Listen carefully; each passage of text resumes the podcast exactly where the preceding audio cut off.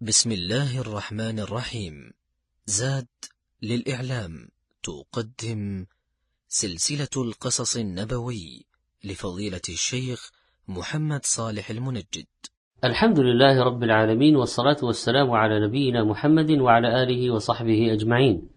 أيها الإخوة والأخوات السلام عليكم ورحمة الله وبركاته. وبعد فمع قصة أخرى من قصص الحديث النبوي نعيش. الوحي عظيم في نفوسنا وما يأتي به من الأخبار عمن قبلنا موضع التصديق الجازم وأيضا موضع أخذ الفوائد والحكم والعظات لأننا لا بد أن نتعظ بما قصه الله علينا ورسوله صلى الله عليه وسلم. وقصتنا اليوم أيها الإخوة والأخوات مع رجل متصدق لكن له صدقات وقعت موقعا غريبا بقدر من الله تعالى.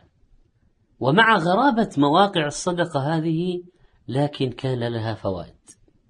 عن أبي هريرة رضي الله عنه أن رسول الله صلى الله عليه وسلم قال قال رجل هذا في من كان قبلنا طبعا لأتصدقن الليلة بصدقة. لاحظوا إخفاء الصدقة في الليل. فخرج بصدقته فوضعها في يد سارق. فأصبحوا يتحدثون تصدق على سارق. فقال اللهم لك الحمد. لأتصدقن بصدقة. فخرج بصدقته فوضعها في يدي زانية. فأصبحوا يتحدثون تصدق الليلة على زانية. فقال اللهم لك الحمد على زانية. لأتصدقن بصدقة. فخرج بصدقته فوضعها في يدي غني فأصبحوا يتحدثون تصدق على غني. فقال اللهم لك الحمد على سارق وعلى زانية وعلى غني. فأتي. وفي رواية للطبراني فساءه ذلك فأتي في منامه. رأى مناما فقيل له أما صدقتك فقد قبلت أما الزانية فلعلها تستعف بها عن زناها ولعل الغني يعتبر فينفق مما أعطاه الله ولعل السارق يستعف بها عن سرقته. رواه البخاري ومسلم. في من قبلنا صلحاء وعلماء وشهداء وأتقياء هذا الرجل من أصحاب الهمم والعزائم العالية المواظبين على الصدقة. في الجنة أيها الإخوة والأخوات باب للصدقة. كما أن باب الريان للصيام. المتصدقون بكثرة من النوافل لأن الزكاة والواجبات مفروغ منها. المتصدقون بكثرة لهم هذا الباب. يدعون منه ليدخلوا جنة ربهم. هذا الرجل من أصحاب الهمم والعزائم العالية في الصدقة المواظبين عليها. يخفي صدقته تحت جنح الظلام ولا يريد أن يطلع عليها إلا علام الغيوب. فيخرج في جوف الليل يبحث عمن يضع صدقته في يده. فيجد رجلا يظنه فقيرا فيدفع إليه المال الذي أراد التصدق به ولكن يتضح أنه كان من السراق. وينتشر الخبر ويتددر الناس به في مجامعهم وأسواقهم ويتحدثون في صبيحة اليوم التالي عن متصدق وضع ماله في يد سارق. حدث اللص بما جرى معه تندرا وقال جاءني إنسان في الليل فأعطاني صدقة وهو لا يدري أنه قد أعطاها لصا. وهذه الأخبار تذيع في المجتمعات الصغيرة لأن الغرائب والنوادر والعجائب تطير.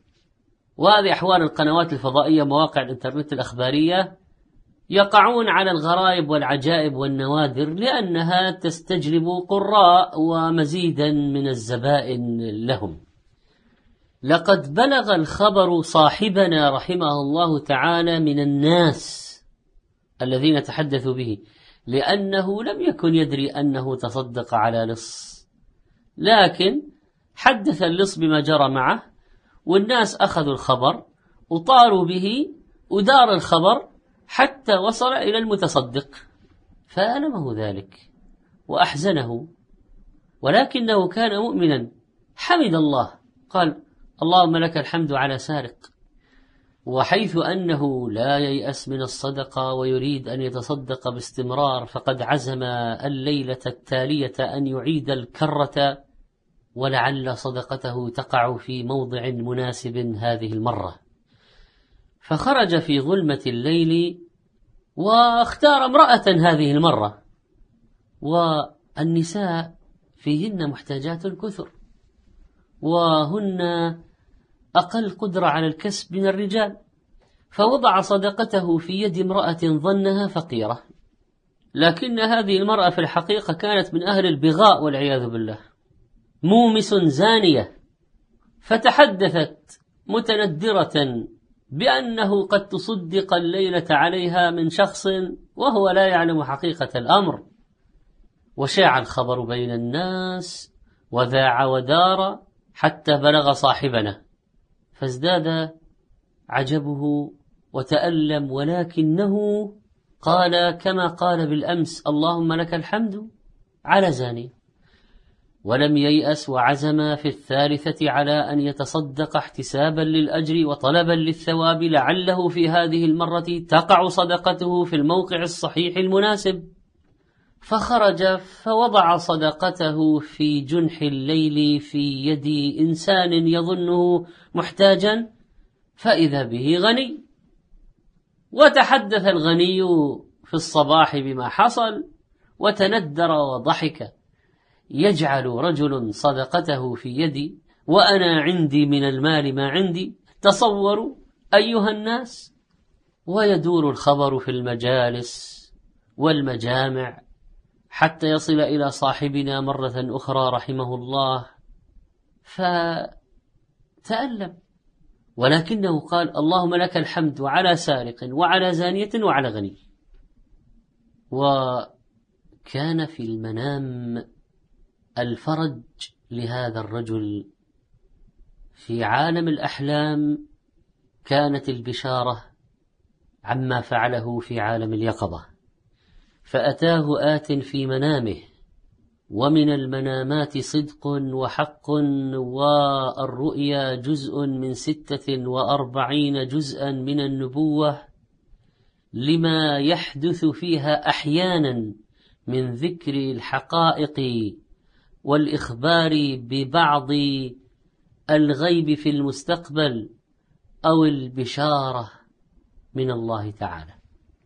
فأتاه في المنام آت بشره بأن الله قد قبل صدقته وأثابه عليها وأعلمه بالحكمة العظيمة البالغة من الله تعالى ولله الحكمة البالغة بما حدث من الآثار وراء هذه الصدقات الثلاث.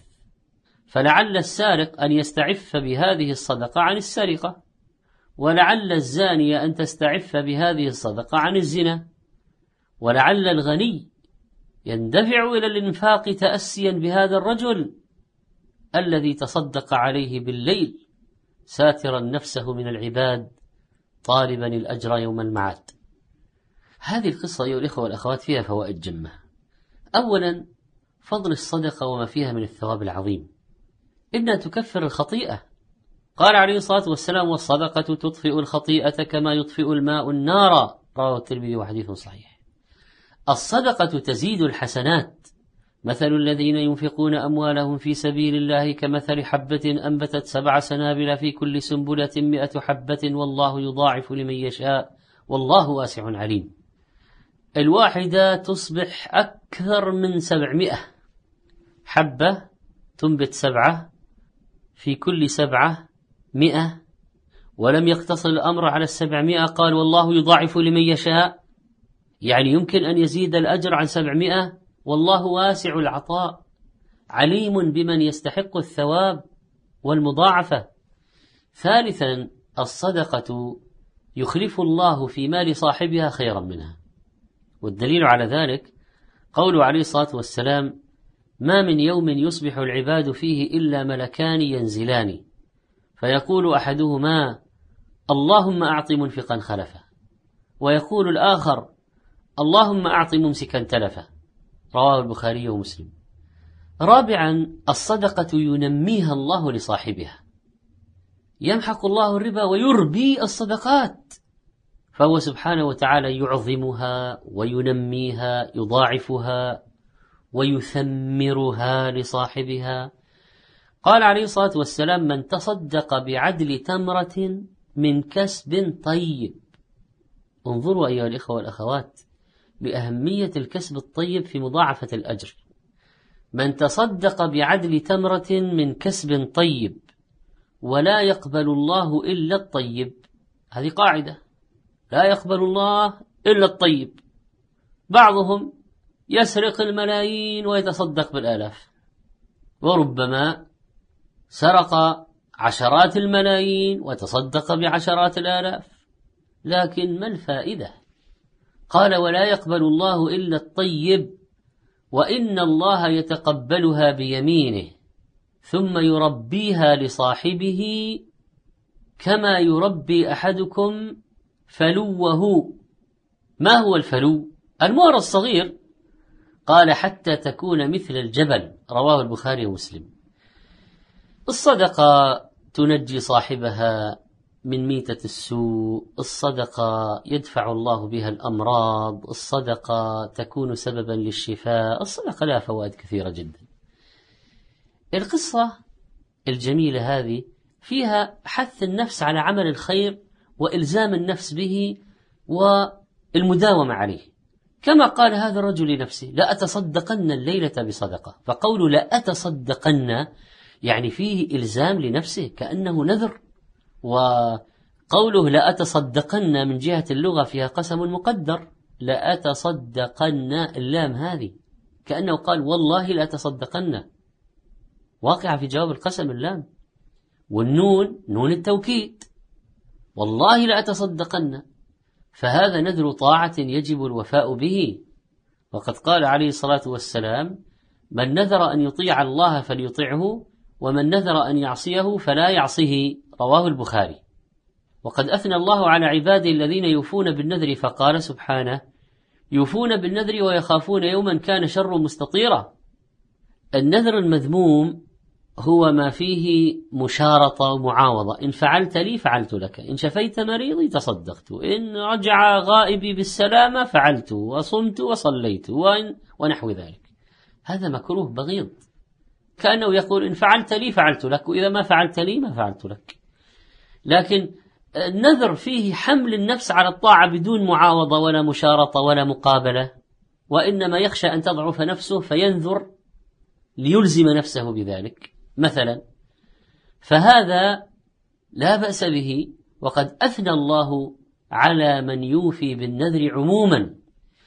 وفي القصة بيان أن الصدقة تكون سرا لا علانية وأن هذا هو الأفضل فيها. لقد قال رجل لأتصدقن الليلة وفي الرواية فأصبحوا يتحدثون يعني في الصباح. فدل ذلك على أن صدقته كان سرا إذ لو كانت نهارا جهرا لما خفي عليه حال الغني من هيئته ولباسه ونحو ذلك. بخلاف الزانية والسارق فقد يخفى عليه بالنهار أيضا.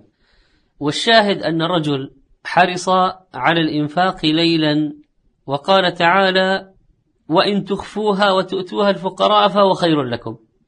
والنبي عليه الصلاة والسلام رغب في صدقة السر وذكر في السبعة الذين يظلهم الله في ظل يوم لا ظل إلا ظله رجل تصدق بصدقة فأخفاها.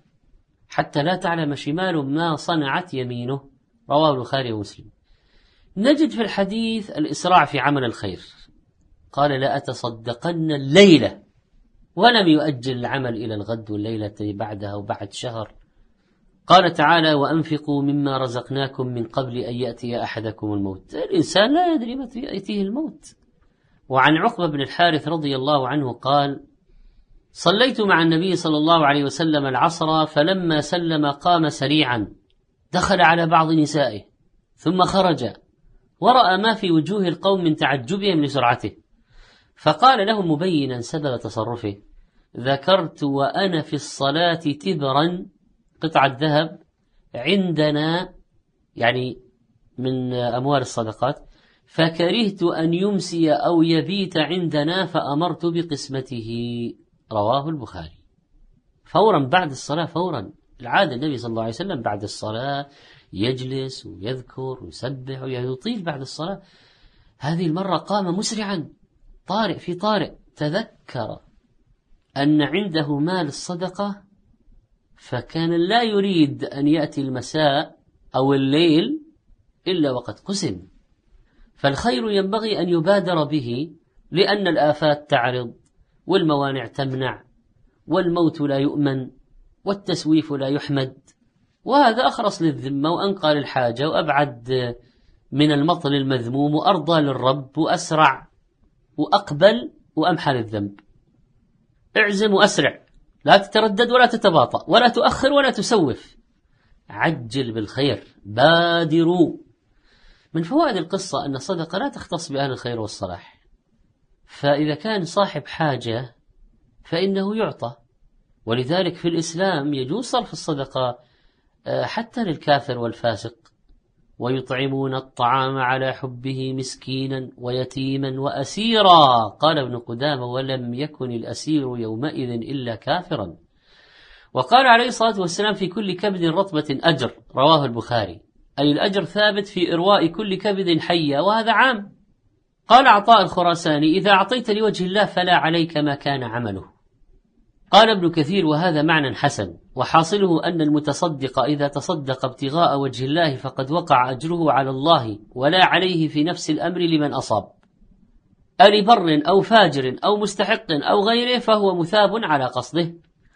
أحيانا نعطي بعض الأشخاص أشياء ويتبين لنا أنهم محتالون. الأجر وقع. كتب. قال النووي رحمه الله وفيه ثبوت الثواب في الصدقة وإن كان الآخذ فاسقا وغنيا ففي كل كبد أجر وهذا في صدقة التطوع وأما الزكاة فلا يجزي دفعها إلى غني. فالصدقة يمكن أن تدفع لميسور الحال بخلاف الزكاة. فإذا كان المال الذي يوزع مال زكاة فإنه لا يحل لأحد أن يأخذه إلا إذا كان من أهل الزكاة. أما إذا كان المال صدقة من الصدقات فإن الصدقة تحل للغني ولا يشترط أن يكون آخذها فقيرا. حين يجعل مثلا سبيل ماء صدقة ويشرب من هذا السبيل من هذا الماء من هذا البراد غني. ما لا يضر. قد يجعل طعام إفطار في المسجد في رمضان. لو جاء غني وأفطر معهم لا حرج. ما اشترطوا الفقراء. أما الزكاة الواجبة فلا يجوز صرفها إلا الأصناف الثمانية المذكورين للفقراء والمساكين والعاملين عليها والمؤلف قلوبهم وفي الرقاب والغارمين وفي سبيل الله وابن السبيل. طيب الرجل كان يتحرى يعني ليس معنى ذلك أننا آه، نعطي من هب ودب كأن المال عندنا لا قيمة له لو كان محتالا ونصابا وكذابا وتبين لنا احتياله. نعطيه لا إحنا ما نشجعهم على التسول لكن قد يغلب على ظننا صدقه. فيتبين أنه محتال بعد ذلك. نقول الأجر إن شاء الله كتب. الزكاة يجب أن نتحرى فيها أكثر من الصدقة. وإذا تبين لنا أننا أعطينا الزكاة لشخص آه، غير مستحق فإن كان هنالك تحري واجتهاد حصل فالمزكي معذور ولا يتحمل تبعة الخطأ لأنه بذل وسعه ولا يضيع أجره عند الله. أما إذا قصر في التحري أي واحد يجي يعطيه. زكاة زكاة. أي واحد يضعه في يده.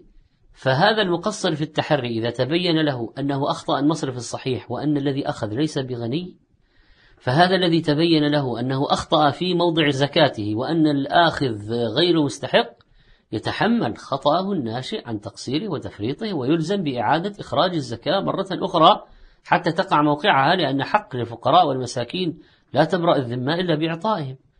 وفي كلتا الحالتين يجب على الآخذ إذا علم أنها زكاة وهو ليس ممن يستحقها أن يردها أو يرد عوضها إن كان قد استهلكها. نجد في هذه القصة أيها الإخوة والأخوات دليلا على أن الله يجزي العبد على حسب نيته في الخير. أن النية الحسنة تشفع للعبد عند الله وتكون سببا في قبول العمل. عن معن بن يزيد رضي الله عنه قال كان أبي يزيد أخرج دنانير يتصدق بها فوضعها عند رجل في المسجد يعني ليقسمها.